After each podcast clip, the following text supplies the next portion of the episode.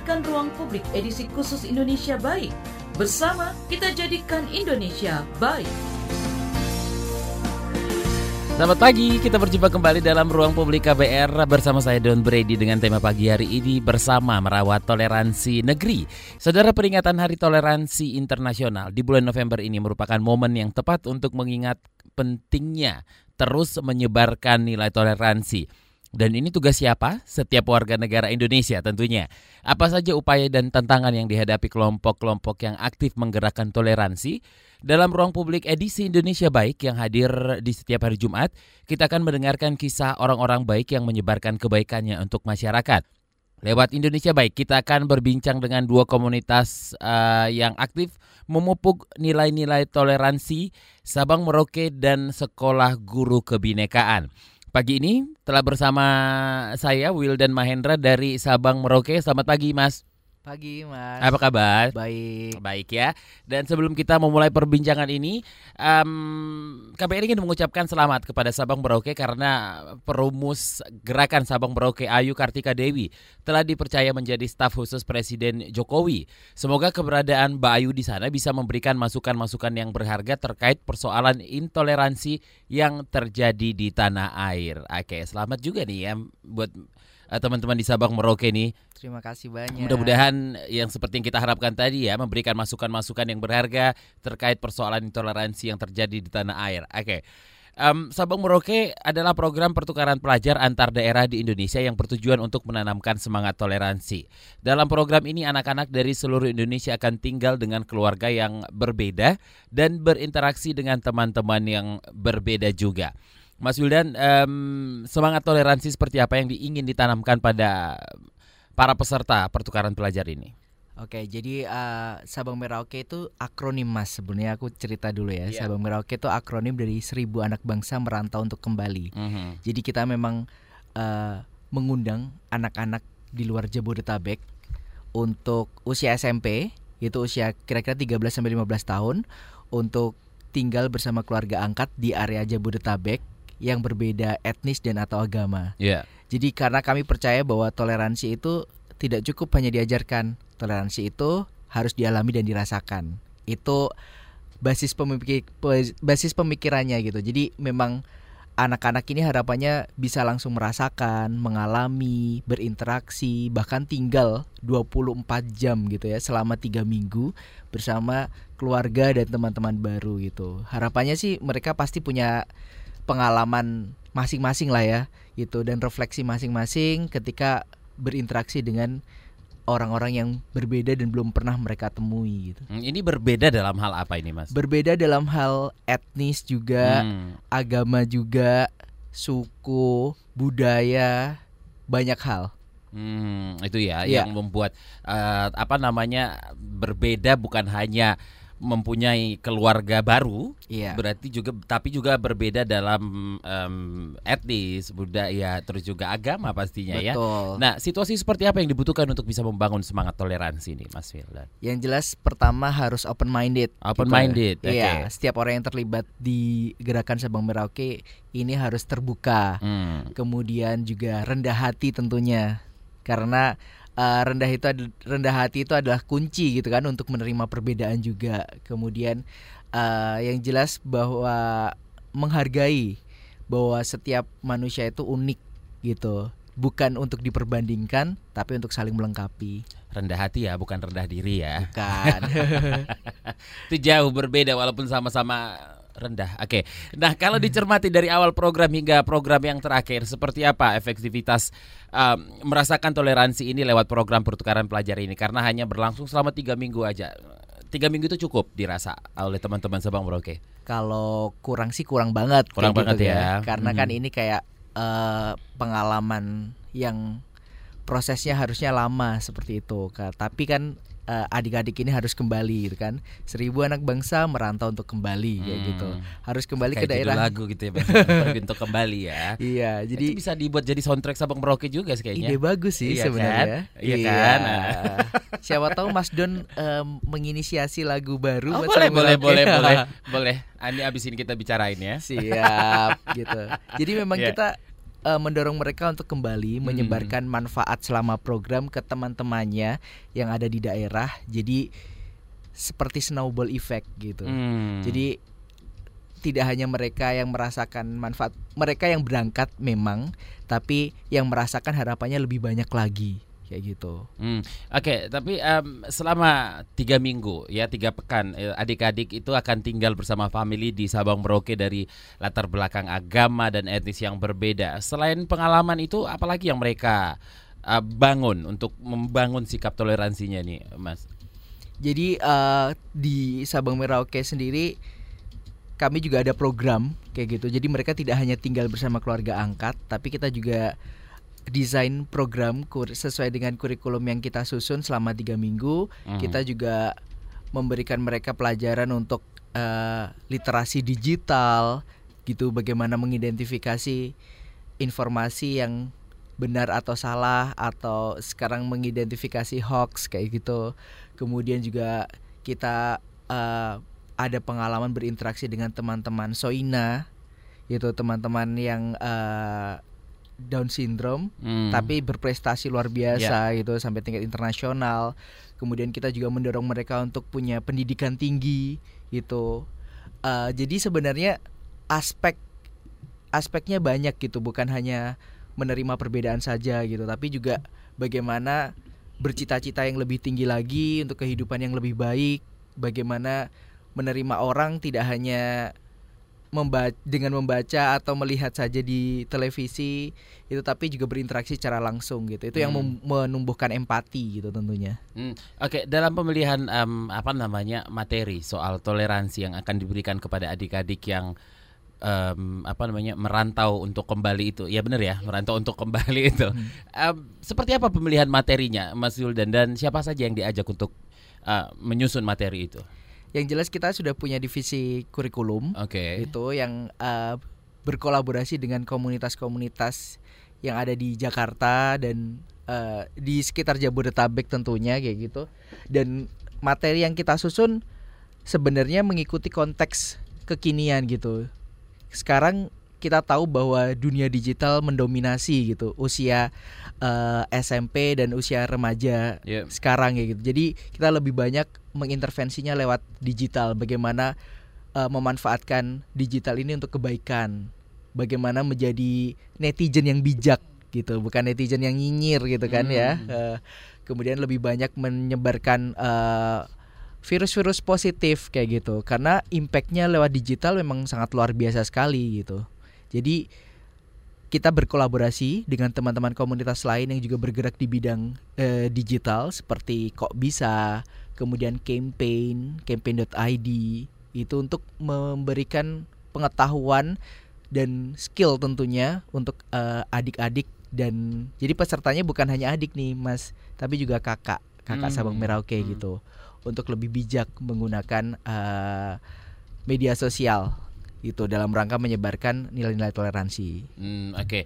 Em, setelah hampir berapa tahun? Lima tahun ya, Mas ya, kalau nggak salah Sabang Tahun Merauke. ini tahun ketujuh. tahun ketujuh malah. Ya. Iya, oke. Em, gak gampang pasti untuk melakukan hal yang seperti itu. Kira-kira apa saja sih per- eh, tantangan atau eh, apa sih namanya penentangan at- atau resisten oleh adik-adik yang diikut sertakan dalam program eh, pertukaran ini, Mas? Yang jelas pasti ada Hmm. gitu. Karena banyak dari mereka yang juga pertama kali ke Jakarta.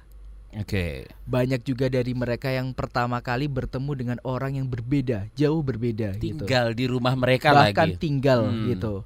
Minggu pertama adalah minggu-minggu krisis kayak gitu. Oke. Bagaimana mereka menyesuaikan dengan kondisi yang benar-benar beda gitu. Bahkan sebenarnya masa krisisnya itu bah ketika mereka berangkat dari daerahnya ke Jakarta sendiri.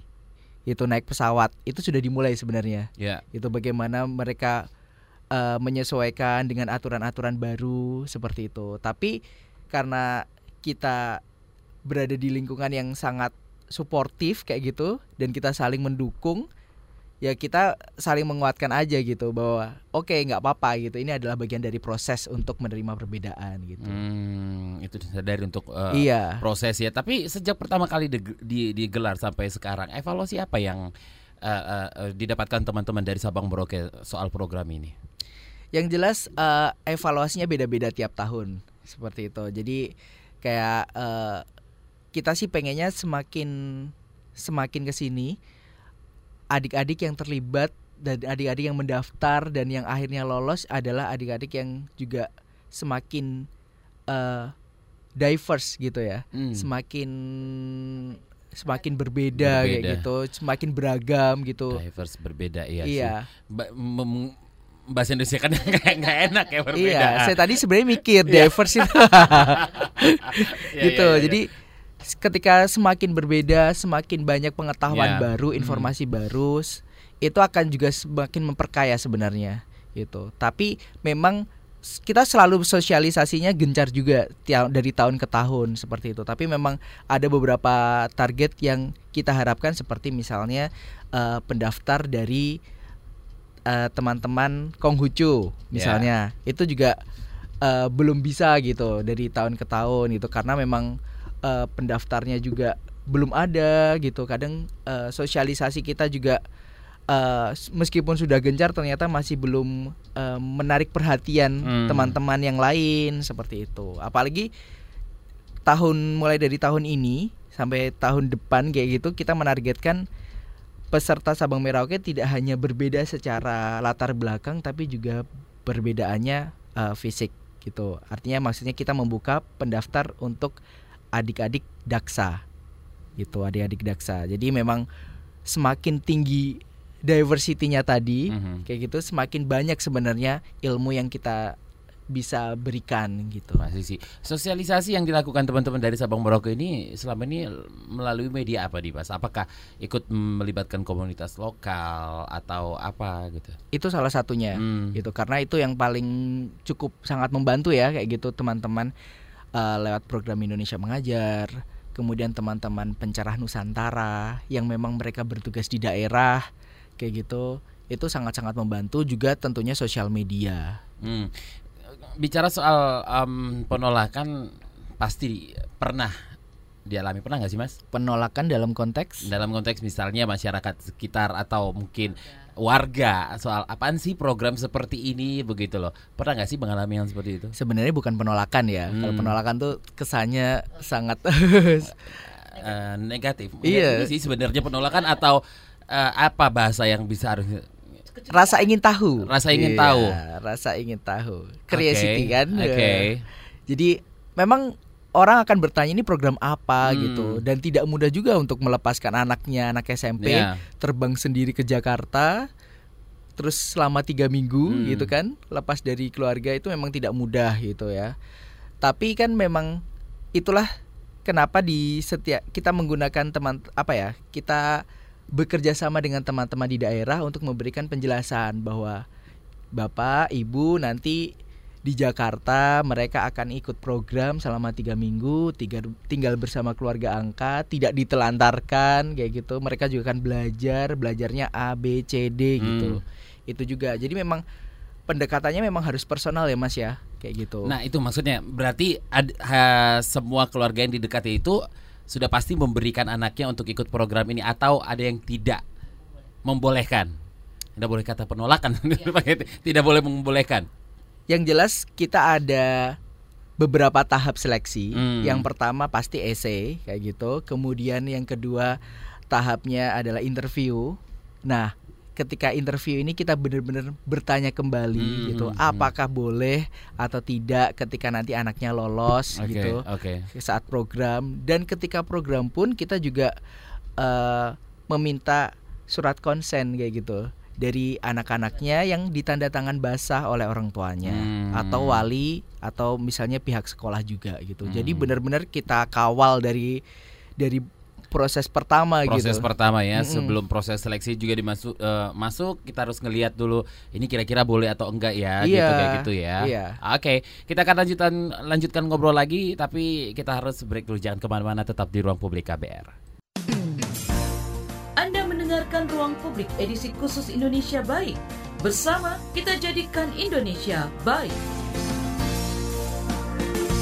Anda masih mendengarkan Ruang Publik KBR edisi Indonesia Baik bersama saya Don Brady yang pagi ini mengangkat tema bersama merawat toleransi negeri.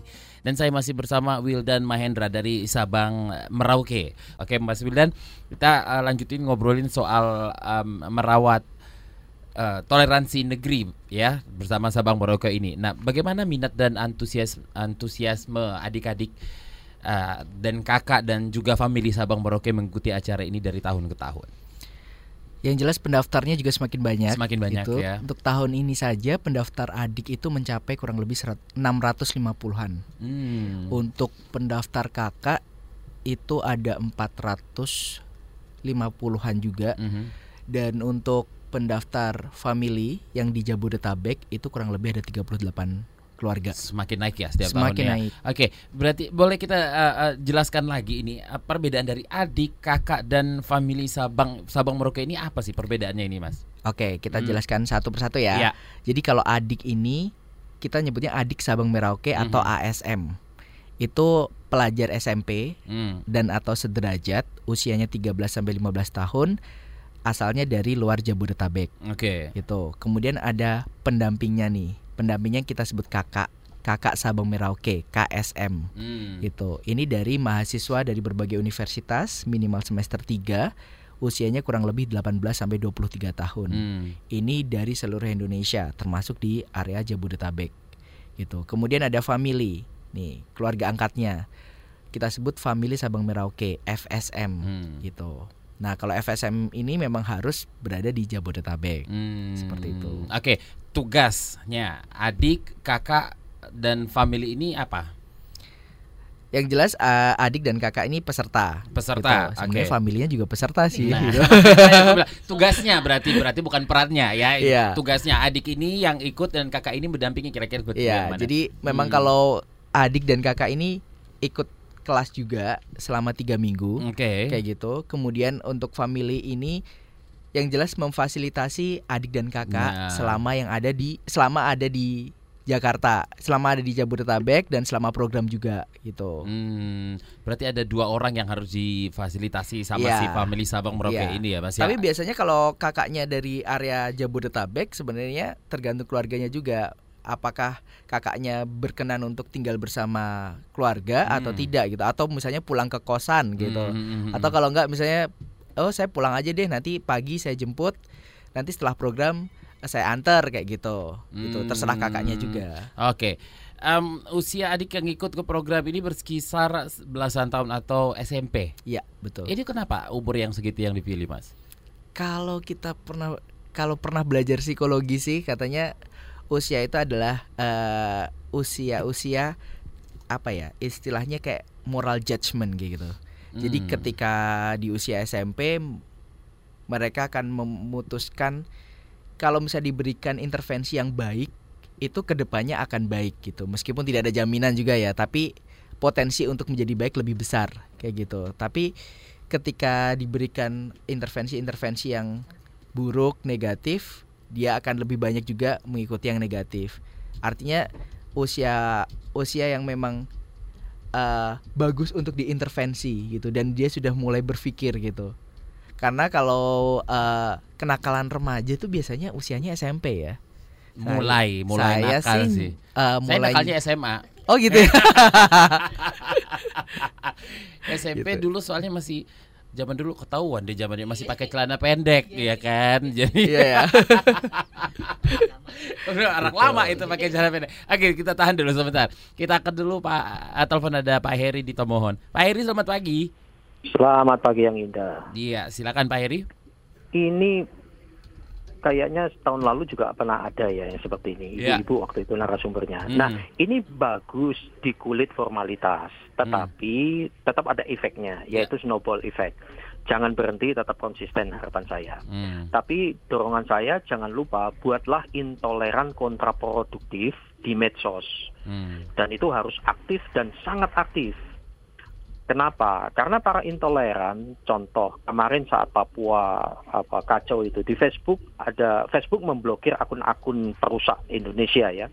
Bayangkan untuk merusak, untuk ngaco aja mereka mengeluarkan 4,2 miliar Hmm. untuk memakai medsos. Nah ini bayar harganya memang tidak murah. Uh, tetapi juga tidak harus semahal itu kan. Jadi intinya adik-adik yang tergabung ini semuanya dilatih juga untuk yang saya sebut intoleran kontraproduktif di medsos.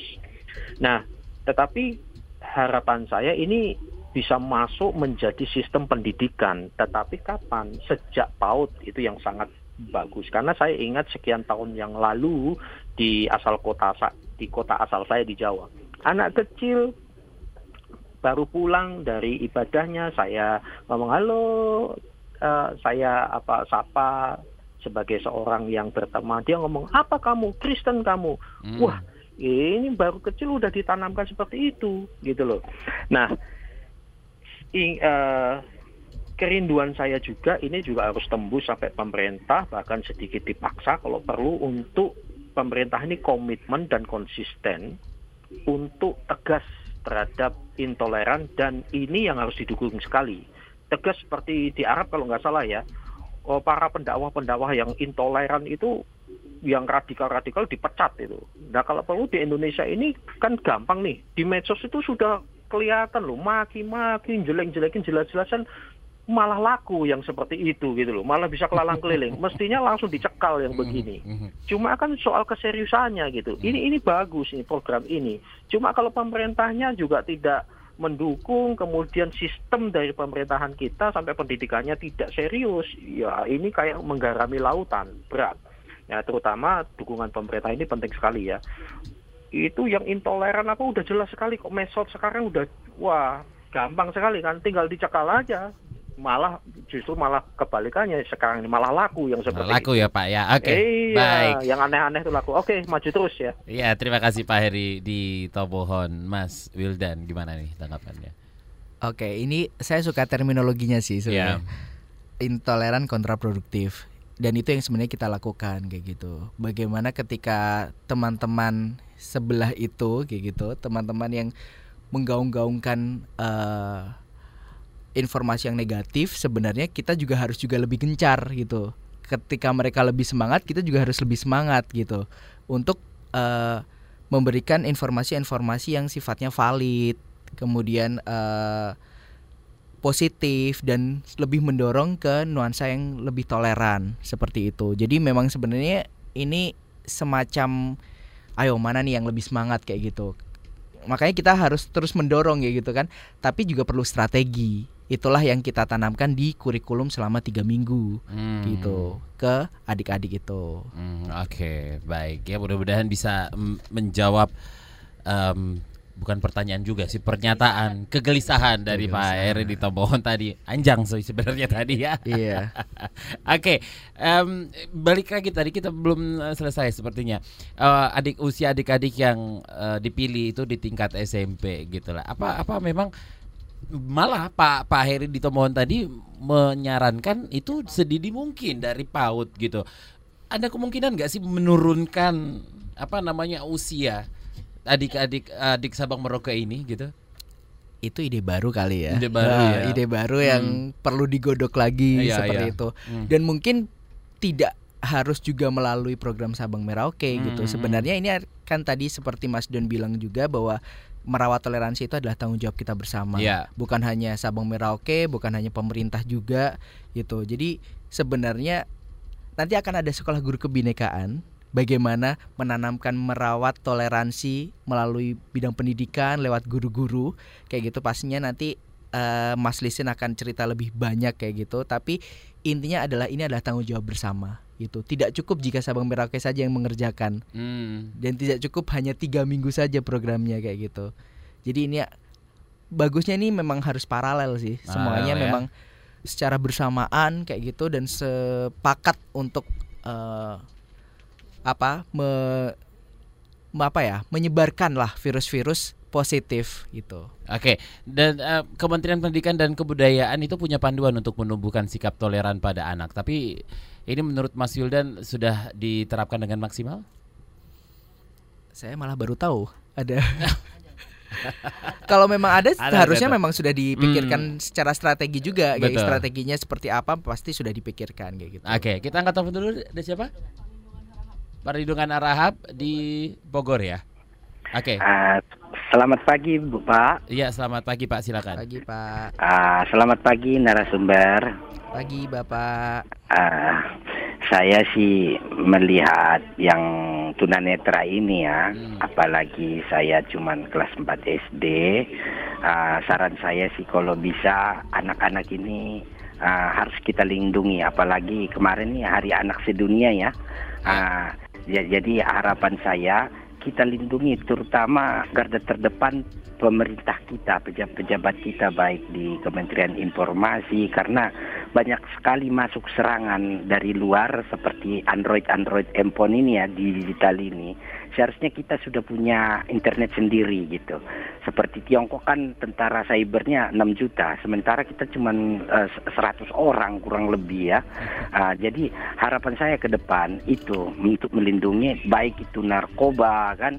Ah, kalau bisa masalah toleransi, mungkin ah, saya lihat PAUD SD, SMP dan SMA sudah cukup bagus. Tinggal lagi di universitas kita. Seharusnya harus tepat guna mereka ini di universitas supaya mereka eh, tetap eh, idealis gitu. Sekarang kan universitas udah luntur idealisnya untuk nasionalisme. Akhirnya mereka di birokrat udah jadi pengkhianat negara bukan membela negara lagi. Harusnya bela negara kan. Hmm. Ini enggak. Gimana caranya mereka supaya korupsi gitu. Nah, jadi saya rasa sudah eh, wajib bela negara itu aja saya rasa. Baik. Seluruh intasar ini semua rakyat Indonesia.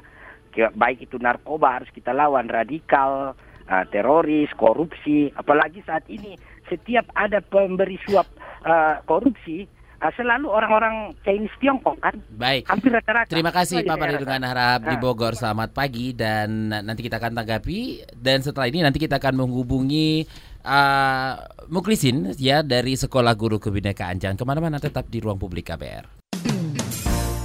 Anda mendengarkan Ruang Publik edisi khusus Indonesia Baik. Bersama kita jadikan Indonesia baik.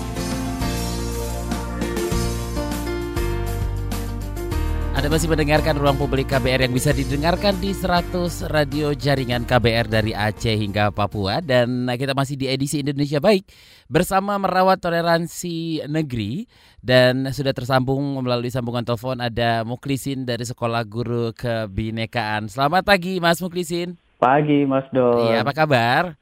Baik. Oke, alhamdulillah. alhamdulillah. Oke, Mas, em, kalau Sabang, saya masih bersama em, eh, Wildan Mahendra dari Sabang Merauke di sini ya. Mm-mm. Nah, bila Sabang Merauke fokus menyamai semangat toleransi para pelajar, maka Sekolah Guru Kebinekaan fokus pada pengajar. Ini tujuan eh, s- SGK ini adalah untuk mempersiapkan dan mendampingi para guru untuk menjadi rujukan kebinekaan, kebangsaan dan kemanusiaan. Gimana caranya, Mas? Mm-mm. Jadi eh, sekolah guru kebinekaan ini pada dasarnya eh, seperti yang Mas Don sampaikan, Iya. kami mendampingi ya, mendampingi para guru untuk menjadi rujukan keragaman kebangsaan dan kemanusiaan. Karena eh, kami yakin sebenarnya eh, guru-guru itu sudah punya pemahaman, sudah punya perspektif eh, potensi untuk menjadi rujukan itu. Jadi kami di SGK itu hanya menjadi kayak semacam penguat gitu ya, Hmm. semacam penguat bagaimana guru-guru bisa memaksimalkan potensinya untuk menjadi eh, rujukan.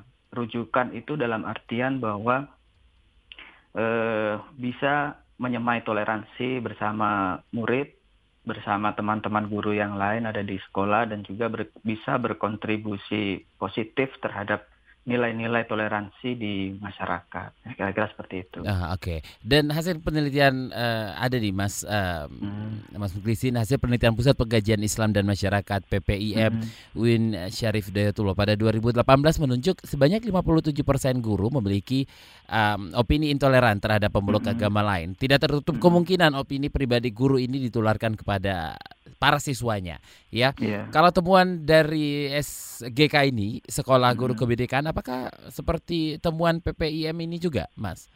Eh, begini. Hmm. Jadi eh, sekolah guru kebinekaan ini sebenarnya adalah sebuah program yang digagas oleh eh, Yayasan Cahaya Guru. Nah, Ya. Eh, Yayasan Cahaya Guru pada tahun se- sejak 2006 sampai 2010 itu melakukan banyak sekali kegiatan di berbagai daerah di Indonesia dalam bentuk pelatihan pengelolaan kelas berbasis kearifan lokal gitu ya. Nah, dalam pelatihan-pelatihan yang uh, dilaksanakan oleh Yayasan Cahaya Guru, teman-teman itu menemukan fakta bahwa terjadi praktek-praktek intoleransi di sekolah. Nah, itu sebelum sebenarnya ini jauh sebelum eh, teman-teman uh, dari PPIM UIN Syarif Hidayatullah Jakarta melakukan yeah. riset. Mm -hmm. Cuma masalahnya adalah ketika teman-teman dari Yayasan Cahaya Guru ini menemukan fakta intoleransi itu rata-rata diungkapkan dengan cara yang uh, tertutup gitu. Jadi jadi guru-guru sebenarnya tidak berani untuk mengungkapkan ada problem intoleransi, hmm. ada problem diskriminasi misalnya di sekolah karena uh, mungkin takut dengan berbagai hal ya. Uh, karena mereka kan uh, apa namanya?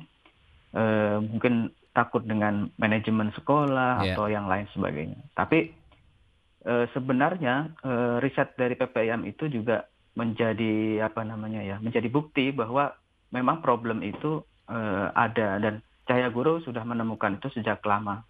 Nah meskipun begitu uh, kami melihat bahwa ada guru-guru yang mempunyai potensi yang uh, positif, ada potensi yang bisa menjadi lilin untuk menerangi kegelapan lah kira-kira seperti itu. Hmm, kalau melihat trennya, gini, Mas hmm. Muklisin, dalam beberapa tahun terakhir ini seperti apa? Kalau trennya sebenarnya ini menurut saya ya, menurut saya karena eh, beberapa apa namanya lembaga riset kan melihat bahwa trennya itu naik ketika mendekati misalnya musim eh, apa politik gitu ya. Hmm. Nah, saya juga merasakan hal yang serupa sebenarnya. Jadi pengaruh politik eh, apa namanya identitas atau politik yang eh, sara gitu kira-kira itu membuat juga kondisi uh, apa namanya uh, intoleransi di sekolah ini menjadi menaik gitu. Yeah. Jadi ada ada ada ada misalnya membawa unsur-unsur politik ke dalam ruang lingkup sekolah. Jadi itu cukup berpengaruh juga terhadap naiknya tingkat apa namanya intoleransi di lingkungan pendidikan. Hmm, Oke, okay. um, sekolah guru kebinekaan ini kan diikuti oleh pengajar dari seluruh Indonesia yang memenuhi pers uh, persyaratan. Uh, bisa diceritakan seperti apa proses seleksinya dan apakah para guru ini mendaftar sendiri atau dikirim oleh sekolah nih, Mas? Uh, begini, jadi untuk sekolah guru kebinekaan ini kami memang merancang sebenarnya prosesnya agak uh, panjang ya. Jadi iya. enam yeah. bulan selama enam okay. bulan. Jadi selama enam bulan ini kami fokuskan untuk guru-guru yang berada di sekitar Jakarta dan sekitarnya. Jadi memang programnya karena program jangka panjang agak susah untuk diikuti oleh guru-guru dari berbagai daerah. Tapi kami juga membuat uh, program singkat yang bisa uh, kami terapkan dengan guru-guru yang misalnya di, dari berbagai daerah di Indonesia. Hmm. Kami biasanya akan membuat semacam program pelatihan untuk tiga hari gitu ya. Hmm. Nah dan itu biasanya uh, untuk SGK karena prosesnya sekitar enam bulan itu biasanya kami akan umumkan secara terbuka, terus guru-guru akan mendaftar secara pribadi, mas. Jadi uh, guru-guru yang mempunyai apa namanya ya eh, sikap ya terhadap ini ada problem soal kebinekaan, ada problem soal intoleransi misalnya, mm -hmm. Dia kemudian terpanggil untuk uh, apa namanya ikut sekolah guru kebinekaan. Nah biasanya memang suka rela guru-guru ini.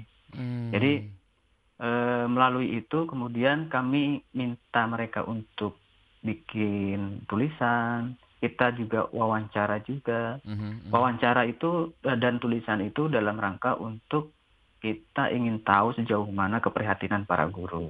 Bagaimana pemahaman soal wawasan kebangsaan, motivasinya seperti apa dan kira-kira rencana ke depan yang akan uh, dilakukan bersama siswa itu seperti apa. Nah, kira-kira seperti itu. Oke, okay. um, Mas Mengkrisin itu um, hmm. mengubah pandangan orang dewasa lebih sulit ketimbang anak-anak. Hmm. Dalam hal membangun sikap toleransi ini seperti apa pendekatan yang dilakukan? Nah ini menarik ini. Hmm. Memang eh, tadi saya mengikuti diskusi juga sama Mas Wildan ya dari Sabang Merauke. Eh, kalau Sabang Merauke kan apa namanya pesertanya adalah eh, siswa ya, yeah. siswa dan pelajar atau remaja gitu. Nah, kalau sekolah guru kebinekaan memang fokusnya adalah ke guru, eh, artinya guru ini adalah orang yang sudah mempunyai sikap, orang yang sudah mempunyai eh, paradigma, kira-kira yeah. paradigma berpikir gitu. Nah, itu menjadi tantangan tersendiri buat eh, kami di sekolah guru kebinekaan. kemudian makanya kemudian kami mencoba untuk membuat pendekatan yang eh, apa namanya mudah diterima oleh para guru. Hmm. Jadi gini Mas dan kami berpandangan bahwa keragaman, kebinekaan atau toleransi itu adalah kesadaran gitu ya. Eh, kesadaran itu berbeda dengan pengetahuan. Kalau pengetahuan itu bisa didapat dari misalnya membaca buku, yeah. mendengarkan ceramah gitu. Tapi kalau kesadaran itu butuh proses yang uh, refleksi dulu gitu, reflektif dulu. Ya, jadi misalnya uh, hampir sama dengan pendekatan yang dipakai di apa namanya di Sabang Merauke, kami juga mengajak guru untuk bertemu langsung, berjumpa langsung dengan komunitas-komunitas yang berbeda. Hmm. Kami mengajak guru-guru untuk uh, berkunjung ke rumah ibadah, terus kemudian bertemu dan berdialog langsung dengan komunitas-komunitas minoritas yang mungkin selama ini menjadi apa namanya uh, korban diskriminasi dan lain sebagainya. Hmm. Jadi dengan bertemu secara langsung, dengan mengalami langsung, maka akan muncul timbul proses refleksi dan membongkar apa namanya sekat-sekat prasangka lah gitu. Oh, ya. gitu.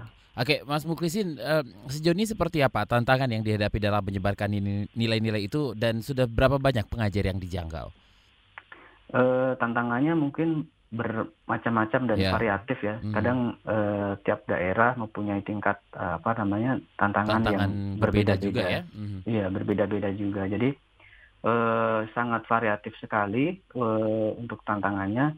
Uh, sampai saat ini uh, lebih sekitar 15.000 guru yang sudah apa namanya yang sudah mengikuti atau menjadi penerima manfaat dari Yayasan Cahaya Guru dan untuk sekolah guru kebinekaan sendiri mungkin di Jakarta ya kami memang sengaja untuk membatasi untuk efektivitas kelas dan juga kami ingin fokus kepada guru-guru yang siap, guru-guru yang akan bisa untuk menjadi rujukan. Jadi kalau di Jakarta ini sudah eh, tiga kali angkatan mas, jadi hmm. sekitar setiap angkatan itu maksimal 30 orang. Jadi ya sekitar 80 atau 90 ya. Oke, baik. Mas Muklisin terima kasih atas waktunya pagi ini. Siap. Terima Oke. kasih Mas Jan. Baik, terima kasih. Itu dia tadi uh, Muklisin dari Sekolah Guru Kebinekaan. Mas Wildan, nanti di segmen terakhir kita akan bacain beberapa WhatsApp yang sudah masuk ya. Siap. Ya, jangan ke mana-mana, tetap di ruang publik KBR. Anda mendengarkan Ruang Publik edisi khusus Indonesia Baik. Bersama kita jadikan Indonesia baik. Kita sudah di bagian akhir ruang publik KBR uh, edisi Indonesia Baik masih bersama saya Don Brady dan bagi Anda yang tidak sempat mendengarkan siaran ini secara utuh bisa mendengarkannya kembali di podcast kbrprime.id lalu pilih ruang publik. Bicara tentang podcast, Sabang Merauke akhir bulan lalu meluncurkan podcast teman seperjuangan hasil kerja bareng dengan KBR. Ini bisa didengarkan juga di kbrprime.id, cari saja teman seperjuangan ya. Dan saya masih bersama Wildan Mahendra dari Sabang Merauke. Mas Wildan kita bacain beberapa WhatsApp dulu yang sudah masuk ya. Boleh. Dari Umi di Padang, 20 tahun yang lalu kelompok lintas agama yang saya tahu di Padang cuma satu dan lingkungan kerjanya masih sangat terbatas di kalangan kampus. Kalau sekarang saya tidak tahu seperti apa, tapi yang saya tahu kelompok-kelompok kerja sama lintas agama ini makin dibutuhkan. Uh, adik Sabang Merauke ada yang dari Padang nggak sih? Mas? Ada. Ada ya. Jadi ada yang dari uh, Payakumbuh dan okay. juga Bukit Tinggi. Hmm. Yang dari Bukit Tinggi itu kalau nggak salah Kristen kalau nggak Katolik. Hmm. Yeah. Malah yang Kristen dan Katolik yeah. di sana ya, uh. di sini ya. Oke, okay, luar biasa. Dari Taufik di Aceh, tahun lalu sempat ramai hasil penelitian satu lembaga yang menyebut Aceh salah satu daerah yang kurang toleran. Kalau boleh dijelaskan kurang toleran ini seperti apa ya? Kalau di Aceh kan memang mayoritas Muslim penduduknya bisa untuk menjelaskan ya Mas Wildan kurang toleran sebenarnya konteksnya apa harus diperjelas dulu sih hmm. kayak gitu hmm. karena nanti saya juga memberikan konteks yang berbeda nanti yeah. malah salah tangkap kayak gitu betul tapi kalau uh, ada adik uh, Sabang Merauke atau kakak Sabang Merauke mungkin ya bisa juga ya? kakak ya? kakak bisa aja sih kakak bisa, tapi, tapi selama ini kita masih punya adik di uh, Aceh Singkil salah satunya di ya di Aceh yang sudah diterbangkan ke Jakarta. Sudah, iya. Oke.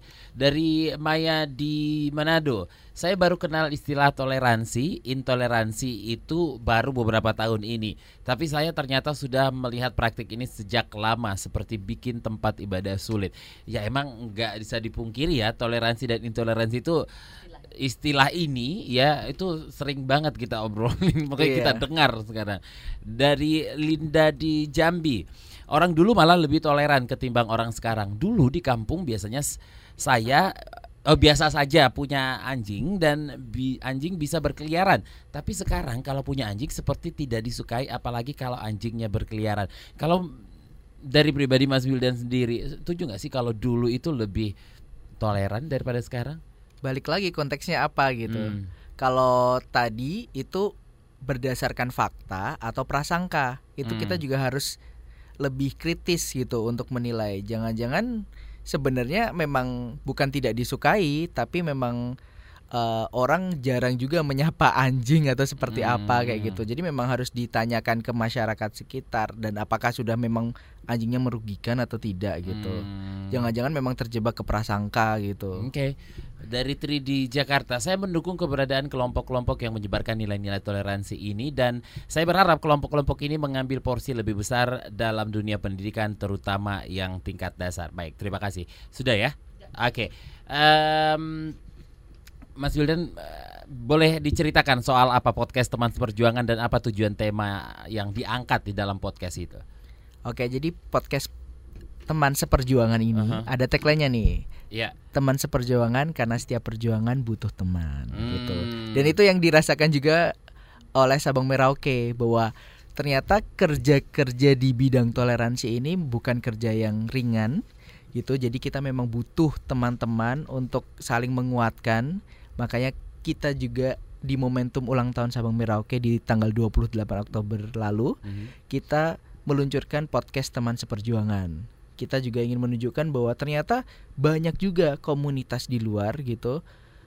Komunitas, badan usaha sosial, kemudian eh, institusi-institusi yang juga bergerak di bidang riset juga. Itu kita berkolaborasi dengan mereka dan kita tunjukkan bahwa ternyata banyak kerja-kerja di bidang toleransi yang harus kita lakukan secara bersama gitu. Hmm. Jadi kita di podcast teman seperjuangan ini mengundang tujuh. Itu kenapa tujuh? Karena tahun ini Sabang Merauke ulang tahun yang ketujuh. Pengennya sih masih banyak lagi ya yang diundang gitu. Ada tujuh eh, pihak yang kita undang. Salah satunya tadi Mas Mukhlisin dari Ya. Sekolah Guru Kebinekaan, ada juga dari PPIM UIN Jakarta, ada juga dari Mari Berbagi Seni. Ye, ini menarik sekali nih bagaimana mengajarkan nilai-nilai uh, critical thinking, kemudian lebih toleran itu dari aspek seni. Ada juga kenali Nusantara, bagaimana mengenal toleransi dari hobi jalan-jalan kayak gitu. Ada juga kita ngundang Peace Generation dan juga ada tujuh ya. Dan juga masih banyak lagi. Hmm, berarti ada tujuh komunitas yang Iya, akan mengisi betul. podcast uh, teman seperjuangan ini Yes. tadi ya. Dan untuk program Sabang Merauke tahun depan sejak kapan dimulai proses pendaftarannya? Terus buat pendengar yang ingin anak-anak yang mendaftar caranya seperti apa dan syaratnya? Ya, akan dibuka mulai kurang lebih bulan Maret Mhm. gitu, Maret 2020 dan ikuti terus dan follow juga sosial medianya Sabang Merauke. Di kalau di Instagram ada @sabangmerauke, di Facebook ah, kita punya fanpage di, eh, di Sabang Merauke juga dan di websitenya ada di www.sabangmerauke.id. Baik. Gitu. Terima Ikuti kasih. terus infonya. Ya, terima kasih Mas Wildan Mahendra Terima kasih dari banyak. Sabang Merauke. Jangan lupa dengerin teman seperjuangan sekali lagi hanya di kbrprime.id dan juga di aplikasi podcast lainnya ya. Yap. Ada Mas Wildan juga kan di sana ya? I- eh, nggak ada. Saya memproduceri saja. Sini saja. Oke. Baik, sampai jumpa lagi ya Mas Wildan Sampai ya. jumpa Mas Don. Demikian ruang publik edisi Indonesia Baik kali ini saya Don Brady undur diri. Salam. Baru saja Anda dengarkan Ruang Publik KBR. KBR Prime, cara asik mendengar berita. KBR Prime, podcast for curious mind.